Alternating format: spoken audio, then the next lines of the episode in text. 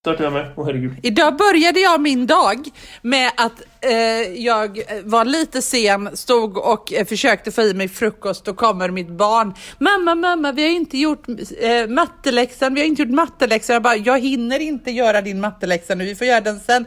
Nej, nej, vi måste räkna de här skalbaggarnas ben. Och de, mm. då var det någon... Så jag började morgonen med att försöka ha bråttom och göra mig i ordning samtidigt som jag räknade skalbaggar kontra spindelben. Hur började du din dag? Jo, jag ska berätta för dig. Jag kom till jobbet, träffade en kollega på parkeringen. Vi gick och pratade lite. En person som jag skulle mejla. Och jag kände så här, åh, oh, det här är bra. Det här är bra. Mm. Eh, och så rotade jag runt lite i mina jackor efter min nyckel till jobbet som är liksom en larmbricka, vet, en sån här tagg typ. Det är den enda nyckeln jag har mm. för alla våra dörrar är sådana man bara blippar in sig. Eh, mm, och då mm. hittade jag inte den. Fan, nu har jag glömt den. Jag är hemma säkert.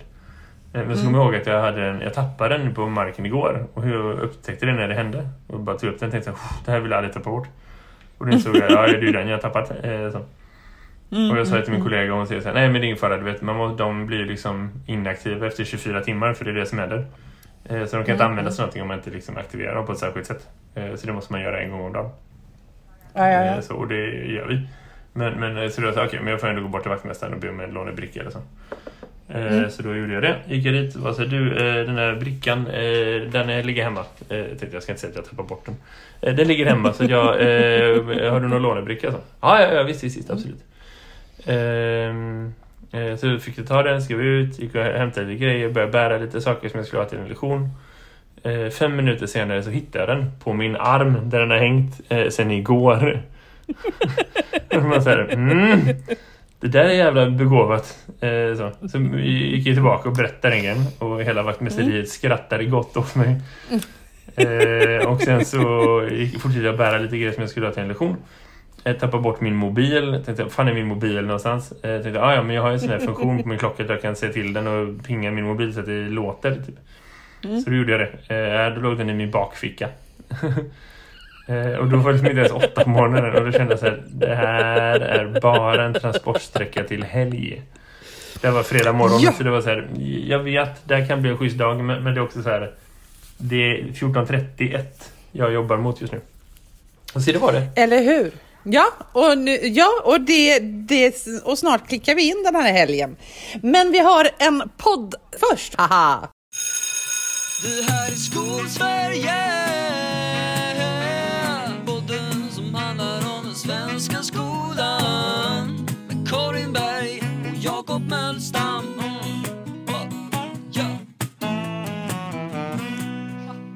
Japp, japp, japp, ja, japp. japp. Karin, det har varit en intensiv vecka. Det känns som att det här är de ja. veckorna som är liksom de när man fortfarande kan få saker gjort. Det är hela veckor, det är fulla veckor, det är ingen som har tacklat av en, det är inte brutalt mycket nationella prov just i detta nu. Det finns liksom Nej. en tid, en, eh, det här är liksom nu man undervisar någonstans. Man glömmer ju ofta bort det, tänker sig, shit, vart försvann vårterminen på grund av alla studiedagar och liksom klämdagar och allt vad det är. Eh, det här mm. är den delen av vårterminen när man undervisar.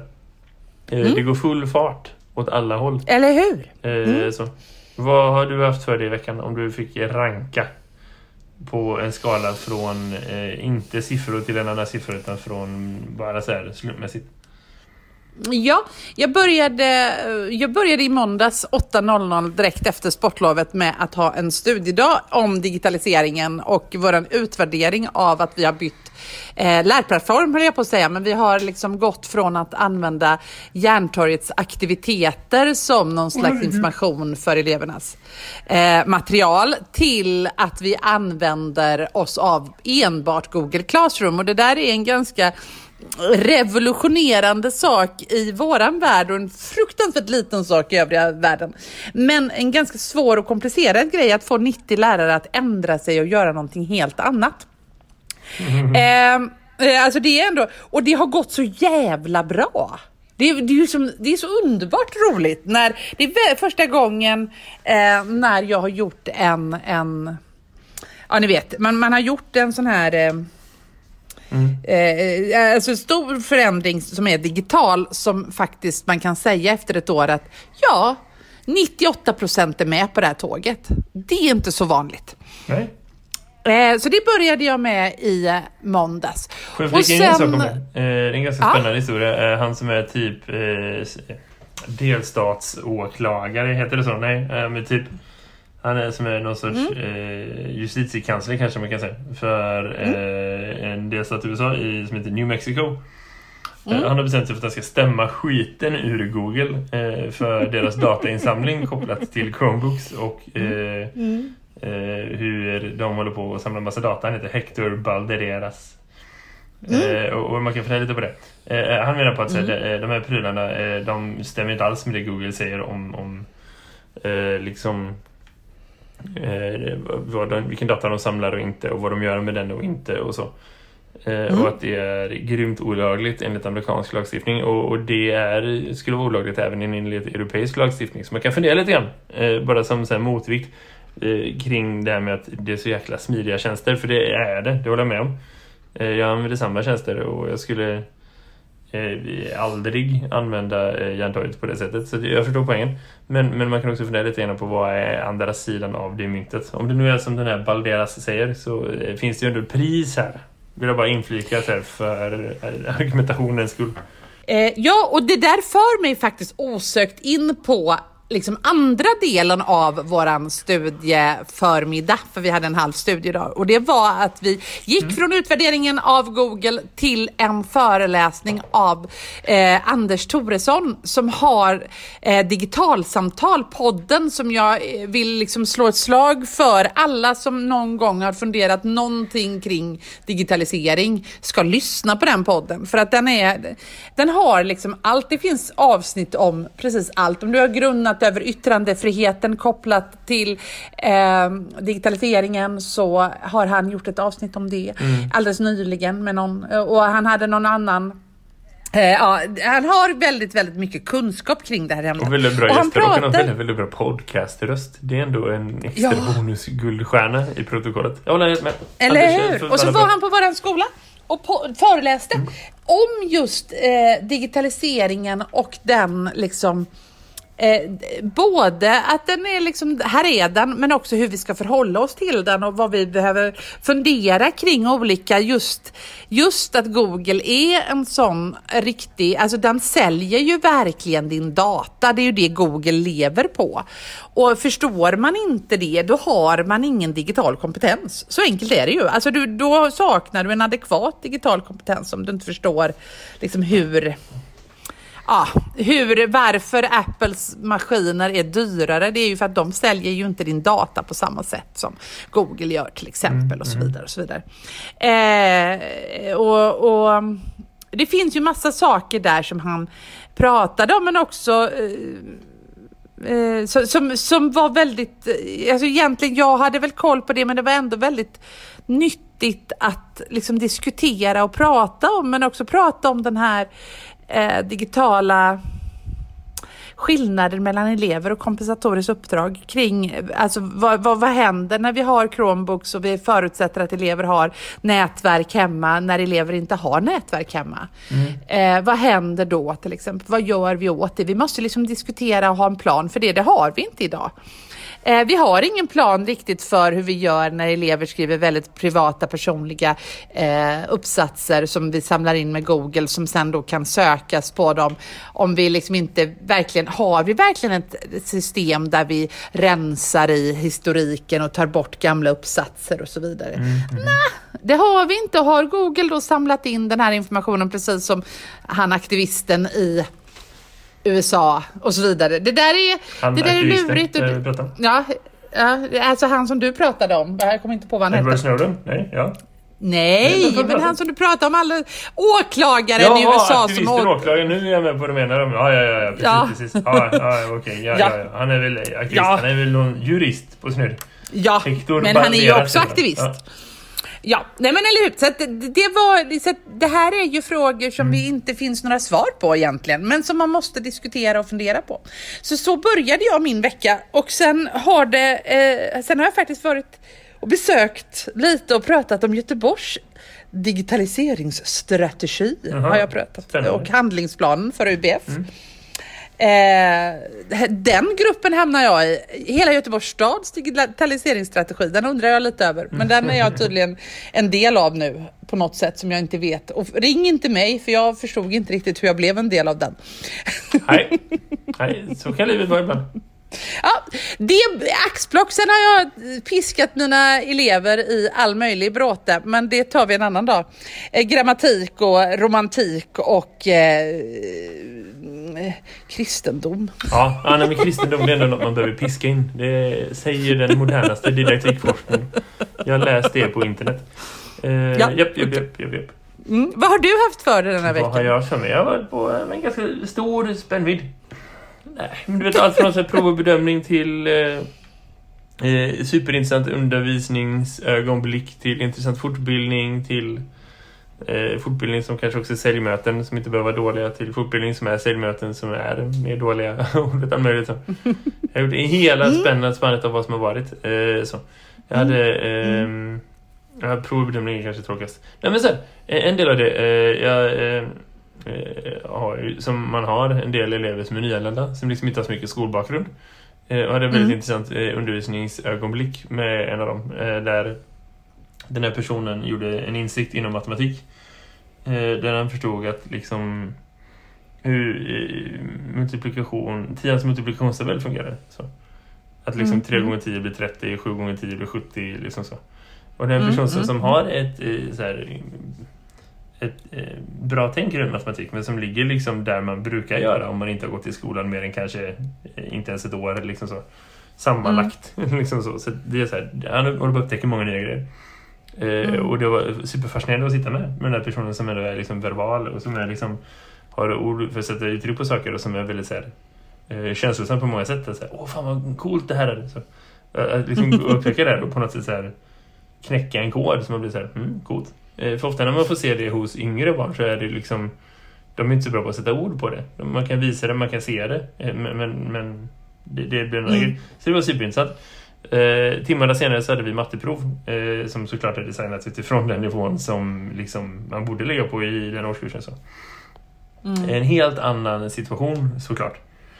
Eh, mm. och dilemmat att hålla båda de två liksom, berättelserna i minnet samtidigt. Eh, mm. Både som elev men också som lärare som har någon sorts ansvar för en persons liksom vidare utveckling.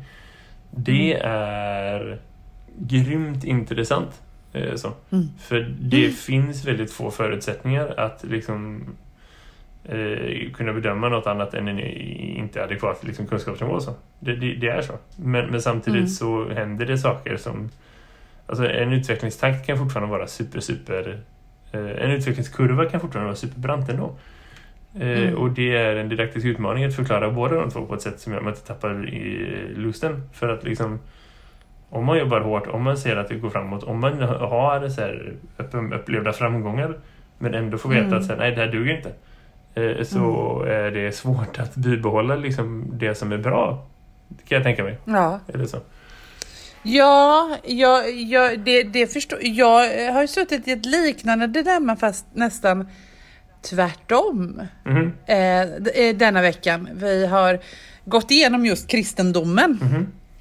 Och eh, jag har två elever som kommer från ett annat land, har bott, varit i Sverige i knappt två år. Mm. Eh, kan allt om kristendomen, men de kan det ju inte på svenska. Eh, vilket gör att, och det ska ju kunnas på svenska om man ska kunna komma in på ett svenskt nationellt program i gymnasiet sen. Eh, så att jag har liksom är haft någon slags... Vart studerar du? Ja, Alltså, det, nej det står ju ingenstans men för att du ska kunna, du kan inte läsa, alltså det blir väldigt svårt att diskutera eh, på polska. Alltså det är ju, du ska kunna resonera och eh, diskutera mm ämnet. Alltså det, det förutsätter ju att du kan eh, liksom... Mm. Jag, jag, kan ju inte undervisa dem på deras modersmål mm. och de kan ju inte heller eh, eh det säger sig självt, för jag mm. har ju mm. det olika modersmål. Och de måste ju också examineras på mm. så att jag kan examinera dem. Eh, och där någonstans så blir det jättekonstigt för att det blir liksom som att vi, ja, Jesus föddes i ett stall. Ja, och då, vad är stall? Då får vi liksom, och vad betyder föddes? Och vad betyder, alltså det blir, en, och det blir så konstigt för att är man så gammal i Sverige när man kommer så, så, hinner, så ska man också, för att de har ju bara den här nya gymnasielagen så ska de ju bara kunna, så ska man ju, har man ju fyra år på sig att både tillskansa sig språket och sina 12 eller 8 betyg. Mm. För att komma in på nationellt eh, program, eller yrkesprogram. Mm, mm. Och det betyder ju att de måste ju plugga sina ämnen samtidigt som de lär sig svenska. Ja, ja. Och, och det blir ju svårt när man liksom har kunskapen om liksom Jesus föddes i stallets krubba i Betlehem, men inte kan säga det. Nej, men där finns För det att- tekniska verktyg som, som kan hjälpa dig att översätta både frågor och svar och även liksom mänskliga resurser. Jag tänker studiehandledare och så. Det, det kan ju inte vara konstigt att använda det till deras fördel, eller? Nej, men det, det ska finnas pengar och resurser och, och men det är inte helt, det, det, ja, det finns ju en del resurser, de har översättningsverktyg, men sen är ju, det finns det kunskapskrav som heter att du ska kunna resonera och att du ska kunna diskutera olika ställningstaganden inom religion eller Ja, men, inom det är väl ingenting om vilket språk fortfarande? Ja, jo, det, det är det ju för att du, det är superspännande. Med risk för att blotta Ja. att jag kanske läser helt fel tänker jag att det absolut inte behöver vara på eh, svenska för att kunna eh, presentera resonemang om man också kan presentera det. Det är klart att jag förstår att saker och ting kan försvinna i översättningar och så. Men liksom i, i, i de fall som jag har jobbat tillsammans med studiehandledare och så, så tänker jag att det är supervärdefullt att kunna eh, liksom matcha provtillfällen för att elever ska få bra chanser eh, att förstå frågor eller kunna uttrycka sig eller så. Eller liksom för den delen eh, eh, få hjälp att förstå elevers resonemang. För jag menar, det där är som du säger, det, där, det blir ju en väldigt byråkratisk lösning. Eh, så. Man kan ju ha elever som liksom, du vet, har bättre koll än en själv för att de kommer från länder där man lär sig saker på ett helt annat sätt. För det kan vara liksom en närhistoria på ett annat sätt. Är du med? Eller som en kulturell liksom, beskrivning som är såhär, det där vet varenda människa för jag har varit där, jag har gjort det här, jag har sett det där. Eh, Så det där fick vi lära oss när vi var små. Liksom. Men, men Ja, så kan man inte uttrycka det på svenska för att det är vad det är. Att det på något sätt skulle klassificeras som ogiltig kunskap på grund av det. det då är man ju bara liksom så här pappersvändaren som, som liksom inte ser... Nej men det, det låter hårt men liksom... Nej, men det det nä- känns inte som att det, det är så systemet är menat. Kan det ju inte vara. Nej, men, men det handlar lite om, vi har ju inga eh, modersmålslärare, eller vi har inga studiehandledare på modersmål på den här skolan. Det finns inga pengar till, vi går ju back som vi gör. Jag Men pengar och pengar. det. Man har rätt till studiehandledare de fyra första åren. Så är det för grundskolan. Så måste vi vara i gymnasiet också. Eh, studiehandledare, vi har ju mentorer har vi ju naturligt, eller vad menar du? ja, men det är så, på, folk, folk som pratar deras språk som kommer in och hjälper dem med liksom, så coachning kring eh, liksom, vad är det för något de ska göra i sin undervisning och vad menas med den här texten och vad behöver du göra här och liksom man läser igenom Ja, det vet jag inte om det är så på När jag undervisar språkintroduktion, biologi i årskurs inte. 7 så har jag ett gäng elever som får stöd av olika personer som pratar ett par språk som jag inte pratar. Som visar dem sig det här är texten, det här är det som menas, det här är det Jakob tycker att du ska göra här och här. Som gör att när de kommer Mm. tillbaka efter en timmas handledning så har de liksom eh, producerat text som, som är eh, på svenska, som jag kan läsa och förstå, som, som de är tillverkat tillsammans. Och visst, man skulle kunna vara så här, mhm, vad har den här handledaren skrivit? Vad har eleven skrivit? Men man kan också tänka att här, här är en person som egentligen får uttrycka det de tycker och tänker. Jo men absolut, och så, men så, så fungerar inte språkintroduktion här. Jag är ju väldigt, väldigt ny Mm. på språk och det låter ju som en vettig grej för det här är ju någonting som jag har varit väldigt frustrerad över. Eh, för att det, det tar ju ofta, alltså du behöver prata ett språk ganska bra för att kunna studera på språket. Alltså det, det, och det är klart att man pratar om det Mm. här med, med handledare på modersmål men vi har inga, inte en handledare här på modersmål eh, på språkintroduktion eftersom det inte är högstadiet och det är ju, det är ju en egen skolform. Eh, på något sätt. Så jag, där har man väl kanske inte rätt till det då eftersom vi inte har det. Men det låter ju som att det är helt idiotiskt att vi inte har det, känner ju jag. någonstans. Att, eh, för, och sen är ju gymnasiet inte obligatoriskt, men det är grundskolan. Men det är den ju inte om du är över 17 år Mm. och så vidare. och Så vidare. Så det, det är inte en helt enkel... Alltså de här som går språkintroduktion, det, det är lurigt alltså. Och det är inte helt bra. Eh, för att jag kan ju inte förstå när de pratar eh, ja, arabiska till exempel. Eller vad det nu är. Eh, Polska. En elev som behöver det ska få studieanledning på sin modersmål. Det gäller inte bara nyanlända elever utan alla elever i grundskolan, grundsärskolan, specialskolan, samhällsskolan, gymnasieskolan och gymnasiesärskolan. Nyanlända elever har i vissa fall en förstärkt rätt till studieanledning på modersmålet. Det gäller om de har tagits emot i högstadiet i grundskolan, specialskolan eller grundsärskolan eller deras kunskaper har eh, bedömts. Dessa elever ska få studieanledning på modersmålet om det inte är uppenbart att det inte behövs. Står det i tredje Men hur är det kapitlet, på- tolfte bla, bla, bla, i skollagen. Ja, skitsamma, jag kan inte läsa de här paragraferna. Men skitsamma. Det står också i gymnasieförordningen. Hur Ja, länge kan en det- elev ha rätt till det? Det finns ingen begränsning av hur länge och i vilken omfattning en elev kan ha rätt till studieanledning på modersmålet. Det är elevens behov som ska styra.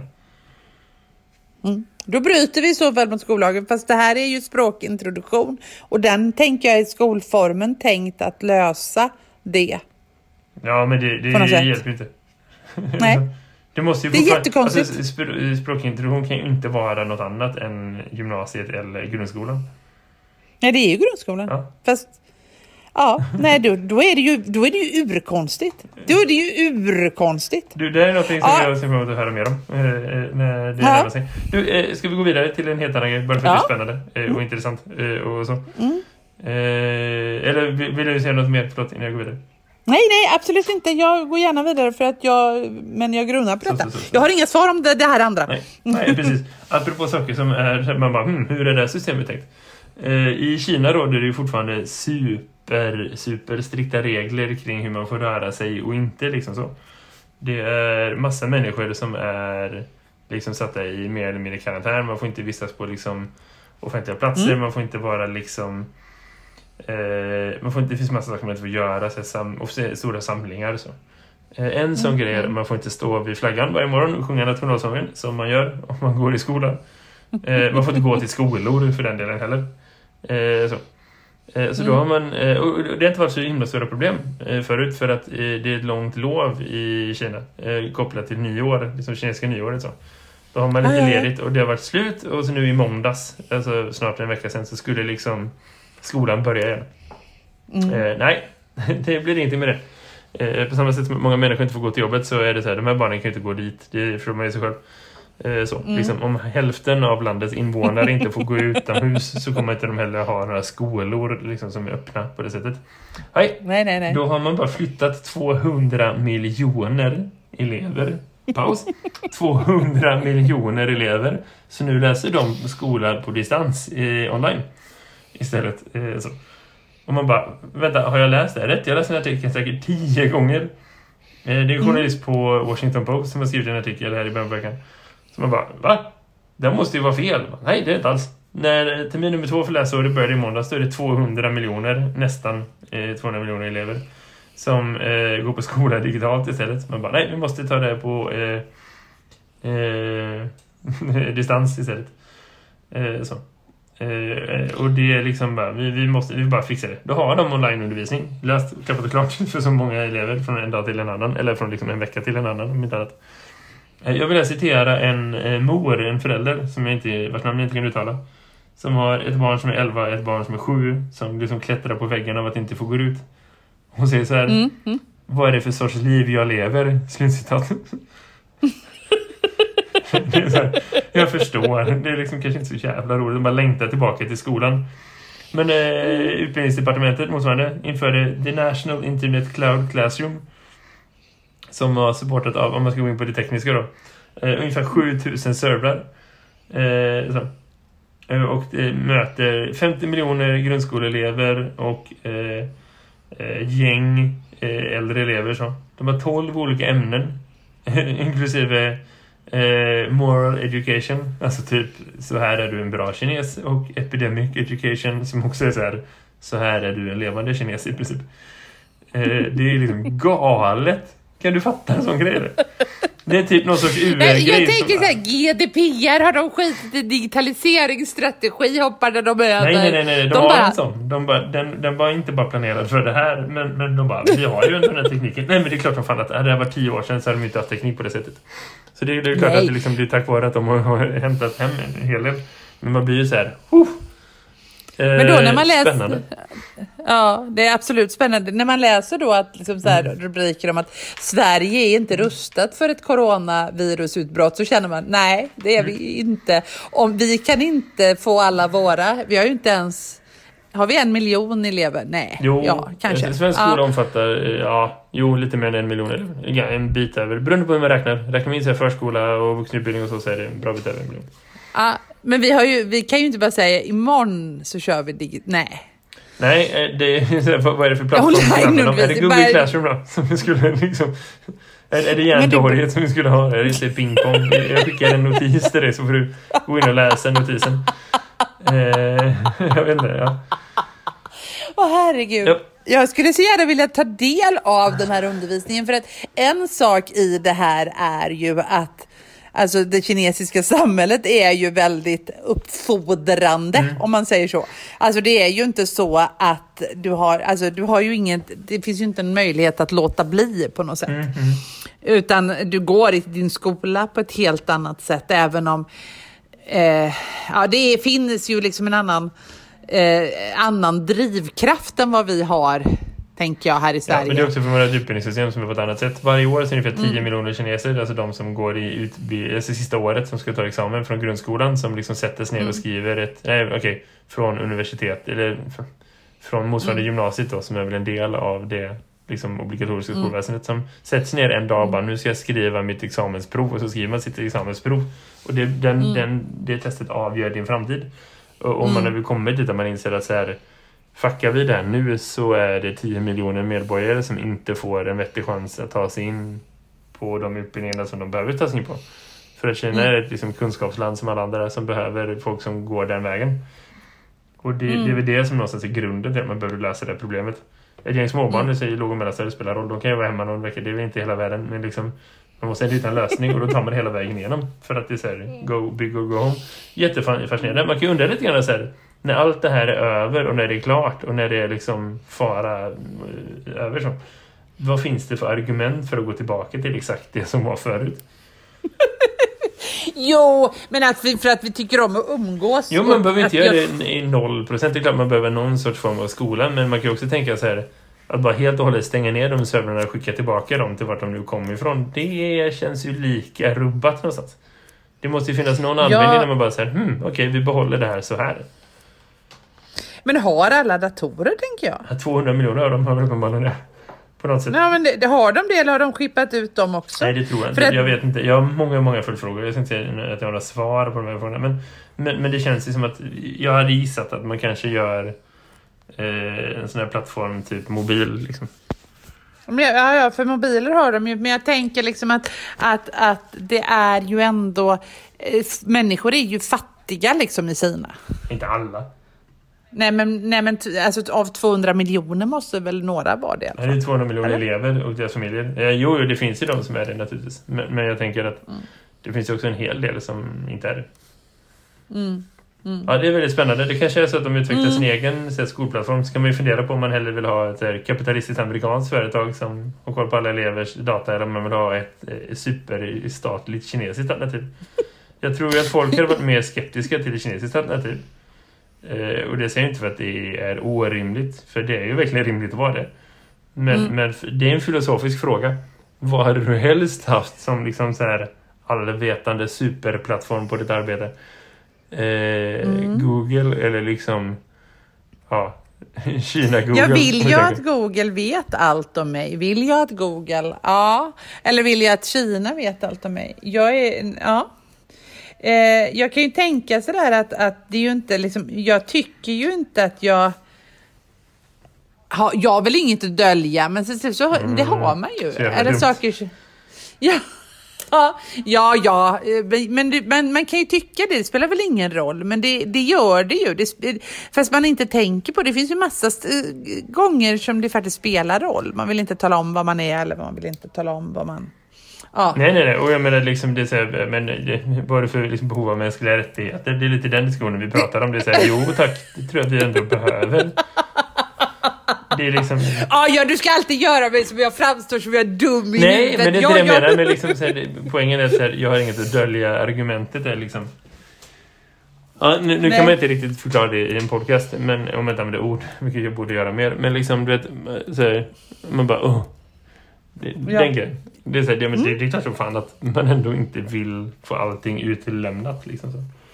Ja, hur som helst. Det Mm. vet du, jag hade en moment häromdagen som fick mig känna mig som värsta så här, superläraren, apropå att, eh, något helt annat. Eh, så. Mm. Eh, jag hade en lektion om eh, programmering och teknik och naturvetenskap och så med mina Mm. sexor. Och så skulle jag ha de här NO som jag också har dem i och det var inte den lektionen men, men typ och vi kommer det område som ska handla om rymden och jag så här, men jag började tänka lite på det. De håller på att programmera små legorobotar och så vill jag hitta någon koppling och hitta någon uppgift och jag fick upp det lite. Och så kom jag fram till att så här, just det, men de ska få bilda grupper som ska få liksom tänka att de åker ut i rymden och ska, liksom, ska de få olika uppgifter vecka för vecka. Det är perfekt. Eh, Och första väg uppgiften blir att de får lösa något kommunikationssystem för att kunna kommunicera hem. Eh, Så, Mm. så då fick de bygga det och programmera det och sen så introducerade de för morsekod och de bara ah shit det är skitsmart. Mm. Eh, Man bara yes det är sant. Eh, Och så liksom började de utforska det. Det var superintressant. Eh, Och så tänkte jag så här hmm. I början av den här lektionen, här är ju en perfekt ingång att få eh, introducera dem för min absoluta favoritbok Aniara av Harry Martinsson, såklart. Eh, så jag tänkte, ja men jag tar med den och så får jag se lite hur det känns. För du vet, så här 12-13-åringar som inte släpper TikTok om det inte är jävligt bra. Det är liksom, de, det är så här, jag vet inte om klassiker är för dem liksom så. Jag tog med den och tänkte så här, men jag vet inte, kanske, kanske inte. Men så här, jo, jo, men jag, jag fick feeling, jag gör det. Så Mm, jag inte- började lektionen med att bara berätta för dem så här, "Hörni, ni- ni- jag ska läsa en bit och jag vill att ni försöker räkna ut vad handlar det om. Eh, Så läste jag typ de fyra, fem, sex första sidorna.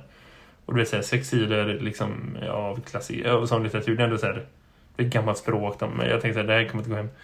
Eh, Men de var så här, bara, nej du måste läsa mer, du måste läsa mer. Så började vi prata om det och, och de, några hade snappat upp lite grann kontext. Några var så här, det här låter asspännande men jag fattar ingenting. Eh, och så visade jag dem trailern för den filmen som kom eh, 2019. Eh, om Aniara och då liksom var det så här, ja ah, men det är ju den där som de beskrev. Och här, Kunde direkt få ord på liksom eh, grejer som jag hade läst för dem. Så. Eh, och de var helt, för det är ett språk, ett formspråk, ett filmspråk, ett medium som är mer lättillgängligt för dem. Så de blir så här, åh vad coolt, jag måste se det, det är asbra. Eh, så var de helt inne i det. Eh, och sen var det fyra av dem som oberoende av varandra gick till bibliotekarien på skolan och bad om att få låna den här boken. Eh, men de berättade inte varför, det var det som var roligt. Så hon kom in till personalrummet ett par dagar senare och var så här, jag fattar inte. Det är helt plötsligt alla elever läsa den här boken. Jag, vill beställa en, jag vill beställa en till, jag vill beställa en till. Och då var jag så här, aha. Ja, det var, Men det är ju fantastiskt. Alltså, det är ju det här att inte alltså, eh, förstå det när de kommer någonstans till gymnasiet sen eller på något sätt. Och så, ja, men jag läste liksom, jag har koll på Harry Martin Aniara liksom. Jag tror inte, om man ska vara krass, liksom så att en 12, kanske 13-åring som läser den boken har eh, koll i något annat än en vidare liksom, bemärkelse av det begreppet som. Men eh, man kan ändå tänka att man har en erfarenhet av det. Man har fattat lite Jo, grann. fast- Jag var den åldern när jag läste den första gången och jag har läst om den många gånger sedan dess och jag hittar ju alltid nya nyanser såklart. Så det är väl en del av den processen. Liksom så. Men att komma dit och ändå inte liksom behöva göra det första gången utan att kunna förstå lite grann ett sammanhang och kunna se så. Det tror jag är superintressant. Eh, Ja och, jag, ja, och jag tror att det där är viktigt. Liksom, att, att, eh, för att det där är ju också... Eh, alltså nu jobbar du på en skola med många nyanlända elever, eller hur? En del, inte många, men en del. En del och en del som har... Men det här att på alla skolor, det, det finns ju någon slags... Eh, jag brukar säga att, eh, alltså det här att, att elever har, vi har ju liksom någon slags kulturarv, någon slags bildningsideal på något sätt. Att det här att, att vi har våra, våra eh, att kunna ändå veta, Harry Martinsson kommer att nämnas för dem han är ändå Nobelpristagare liksom. Det Ja. kommer ju att, att, att pratas om, och att då, jag var 12 år när jag läste honom. Jag läste en Nobelpristagare när jag var 12 år. Det gör någonting med en bildningsresa som inte, du är, du är värsta superläraren Jakob som får dem att, bara att vilja liksom Ja, men ha koll i det på det. sammanhanget, i, den, i det ögonblicket så kunna bryta ner det och kunna också ta det utanför. Så Det är superintressant. Det är klart att det, det, det säger något om att litteratur är viktigt och vi hade en jätteintressant diskussion eh, om, liksom, för jag berättade för dem efter att jag hade bara läst innan de hade liksom fått se den här trailern att den här boken kommer från 1956. Och det var Mm, liksom som att de hade läst och hört, du vet så här liksom, eh, om säger Jesus ord skrivet för hand av honom själv. Liksom. Det var det bara, what? Är det samma språk? Är det? var liksom, det, det var inte det de sa, men det var det som hände.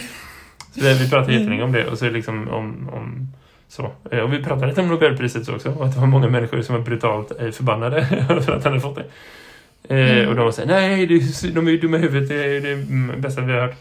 Så är bara för att ge dem en känsla, en åsikt, en positionering i det oavsett vad som är rätt och fel. Bara komma in i att liksom tycka och tänka om det. Ja, väldigt intressant.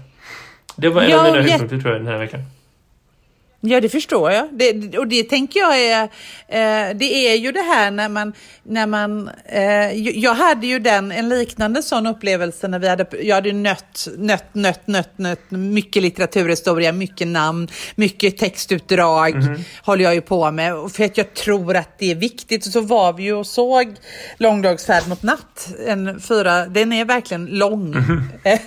Men det som, då var ju väldigt, väldigt många elever så lyckliga över att de kände sig så jäkla smarta för de hade koll på alla de där eh, bireferenserna som den, den pjäsen har. Alltså den refererar till Rousseau, den refererar till Strindberg, Ibsen, den refererar, alltså du vet.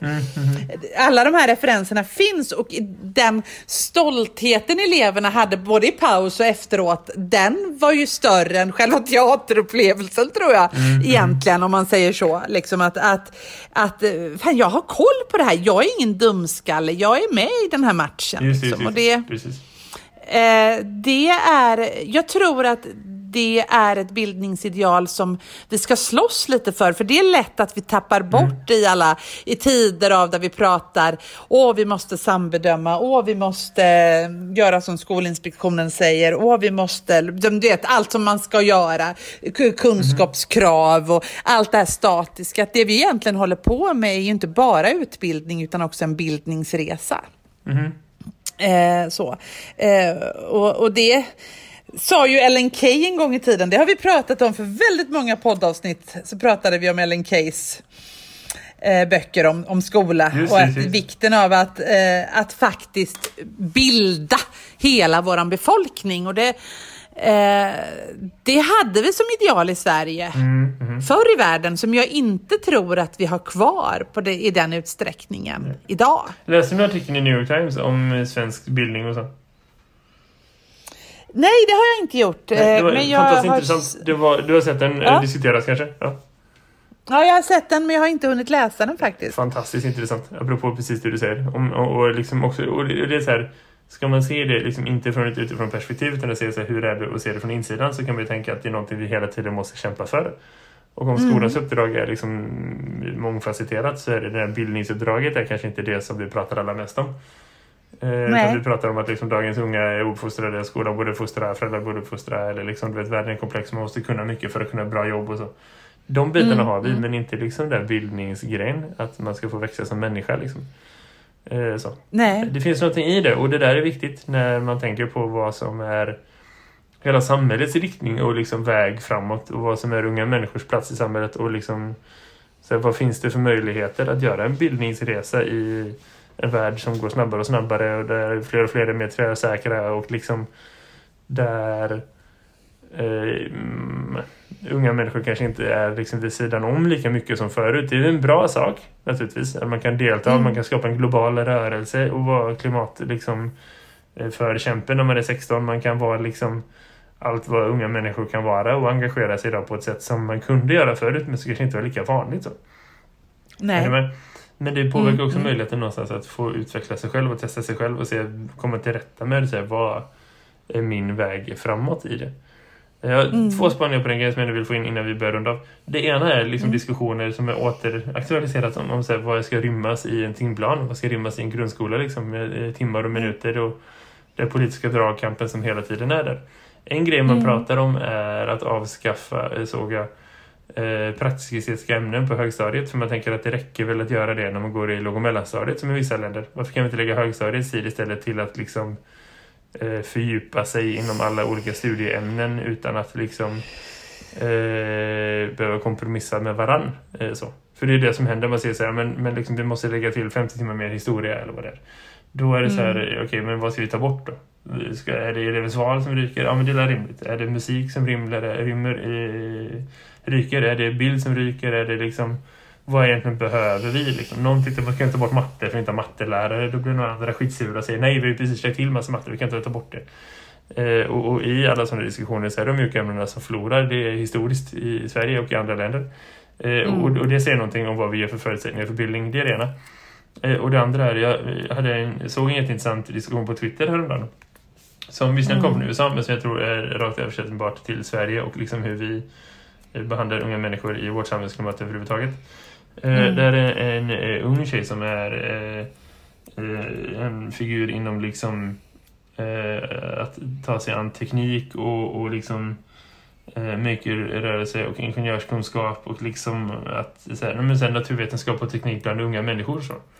Mm, mm. 14 år gammal har figurerat. Kommer du ihåg det gamla tv-programmet Mythbusters som gick på Discovery Channel som var så här, två gubbar som testade olika naturvetenskapliga experiment med explosioner och grejer typ. Kommer du ihåg det programmet? Nej! Nej, okej. Okay. Det var ett program i alla fall som hände. Eh, så jag tänkte naturvetenskap. Eh, tänkte liksom en amerikansk version av Vetandets värld med liksom med eld. För att eld ja. är coolt eh, och man bygger saker. Så. Den grejen. Eh, mm. Mm. De gjorde en ungdomsvariant av det eh, som hon var med i. Och jag har liksom vunnit massa priser. Liksom uppmärksammad på många olika sätt. Mm. För att det är en person som uppenbarligen förstår vad, vad som händer. Och det finns liksom ännu så här, tar sig an mm. världen, tar sig an internet. Tänk liksom hela den grejen. Mm, mm, Hon beskrev häromdagen att eh, eh, två olika oberoende av varandra eh, liksom kvinnor eh, hade berättat för henne att de eh, väljer aktivt att inte dela vidare hennes tweets eller liksom att twittra om henne eller skriva om henne för att skydda henne från eh, en, den andelen av deras egna följare som trollar eller som inte beter sig liksom lämpligt gentemot oh. en 14-åring eller som liksom Mm. Så mm. baserat på att de själva får utstå det. Och då känner eh, mm. den skiten från folk i deras flöden. Och då känner de sig nej, det här är inte en, ett klimat där, där jag vill liksom sprida det som eh, en ung tjej säger. För att det sprider också, det exponerar henne för det, det klimatet som finns runt omkring. Så. Mm. Hon går vidare och förklarar att liksom så här, jag har förklarat för dem att här, jag är okej okay med det. Jag är medveten om det. Det är mitt val att hantera det. Och jag vill liksom göra det mm. själv. Eh, mm. och visst, det finns unga människor, tonåringar som har andra inställningar till det och som kanske behöver den hjälpen och så. Eh, mm. Men liksom... Eh, och det visst det är stöttande att hjälpa till på det sättet men det är också ett problem att folk inte är medvetna om liksom hur det är att vara ung och kanske ung och tjej eller ung överhuvudtaget liksom, och, och, och vara i den resan av att ta plats i samhället och liksom vara på någon sorts bildningsresa då, fast liksom där man också testar under ja. tiden som man kör. Eh, för Eller att samhället är inte tillåtande på det sättet. Eh, så. Det tyckte jag var grymt intressant. Jag har gått och funderat på det sedan dess. Naturligtvis ur många mm. perspektiv. Så här, män, kvinnor och liksom eh, alla parametrar som kan finnas. Ung, gammal. Så. Eh, det priset som man får betala för att ha en åsikt och för att liksom stå för någonting är extremt mm. högt i samhället överhuvudtaget. Och det är konstigt. Eh, men det är ännu sjukare att unga människor som måste få utforska liksom eh, olika aspekter av vad det är att vara människa någonstans mm. utan att liksom för den delen hängas för alltid eller liksom få ta skit så till den milda grad att andra människor är så här nej det där vill jag inte dela vidare för att det kommer att skapa problem för den personen. Det är sjukt. Mm. Ja, och, jag, det, och ja, det är jätte... Det, det, det är... Ja. Det, det är sjukt och jag tänker att i ett klassrum så, alltså unga människor är ju ofta ganska, alltså nu generaliserar jag, men det, det kan, alltså på, i en gymnasieklass så kan det råda ganska polariserade åsikter att halva, alltså det, det här tycker jag och det här tycker jag och det är fel, alltså så här, och så försöker vi prova oss fram och det är ju en, alltså att få studsa sina åsikter mot mm. vuxenvärlden, det brukar jag mm. se som min uppgift, men precis som du säger, jag har inte tänkt på att eftersom vårt samhällsklimat har blivit så polariserat, så, så gapigt och så mm. skrikigt och så, så, så det att vi kan studsa deras, alltså att man i ett klassrum kan ha ett tillåtande klimat där du kan få, få liksom prova dina tankar. Mm, det är ju mm. svin ännu viktigare i ett sånt här polariserad värld som vi ändå lever i nu. Mm. Där du blir på, eh, alltså jäklar vad du behöver det och undra om det omhändertas. Det tror inte jag omhändertas, det behovet idag. Nej. Insåg jag just. Nej. I den utsträckningen som det behövs för att jag vet ju att vi jag vet, jag minns väldigt väl hur vi provade våra åsikter på varandra i, du vet, och man, man, hade det funnits Twitter då hade jag ju använt Twitter då. Det hade jag ju. Ja, ja. Eh, och hade jag då blivit påhoppad, jag tycker det är oerhört obehagligt att bli påhoppad på alla möjliga forum. Jag, alltså jag, jag har blivit jätteskygg när det kommer till det, för jag tycker det är så otäckt. Mm. Eh, alltså, jag, jag, jag mår dåligt av det. Jag, liksom, jag undviker att tacka ja till att vara med i olika sammanhang där, som är mediala, för jag tycker att det är obehagligt. Eh, mm. Och det hade, den, det hade jag inte innan. Nej. Den, alltså förstår du, den, jag har aldrig tyckt, jag tycker inte det är otäckt att säga vad jag tycker och jag har inga problem med att ändra mig heller. Eh, men det har jag ju blivit påverkad av och är du då 16 så är det klart som fan att du påverkas av det. Ja. Och det där är någonting eh, att fundera på, apropå bildningsresor och att liksom ständigt behöva kämpa för eh, ja. förutsättningar. Allt från liksom rätten till eh, studieanledning till liksom, du vet, vilka möjligheter har man i skolan till vad är det som är viktigt, vad är det som får ta plats där till liksom, vilka förutsättningar som finns i samhället till liksom eh, allt som är. Det är en jätteintressant artikel i New York Times. Jag tycker man ska läsa den och du vet, som svenskar älskar att göra, ge sig själva en klapp på axeln och bara, ja, ja, vårt land är ganska bra ändå. Ja. Men eh, sen får man också eh, inte göra det om man inte också går vidare och funderar på vad gör vi för att se till att det kan vara så om 10, 15, 20, 25 år också. Det tror jag är där vi landade avsnittet. Vad tror du om det? Ja, det tror jag och jag tror att vi faktiskt ska uppmana oss själva till att vad har jag gjort för att bidra till just en bildningsresa? Att vi tänker på det Kan vi inte prata mer om det nästa vecka också? Vi, vi, jo, du och jag ger oss själva en utmaning. Sju dagar av ja. eh, att ge andra människor en möjlighet att göra en bildningsresa. Det ska ja. vi ta och göra och så pratar vi mer om det i nästa avsnitt. Karin, det här har varit superintressant. Eh, det finns få bättre sätt att på riktigt avsluta en arbetsvecka. Det finns få, få bättre sätt. Och nu, eh, jag är fortfarande kvar på jobbet och det är mörkt ute. Nu säger vi tack och hej och så tar vi helg. Ha, det gott, hej! Ha det bra! Vi här i Skolsverige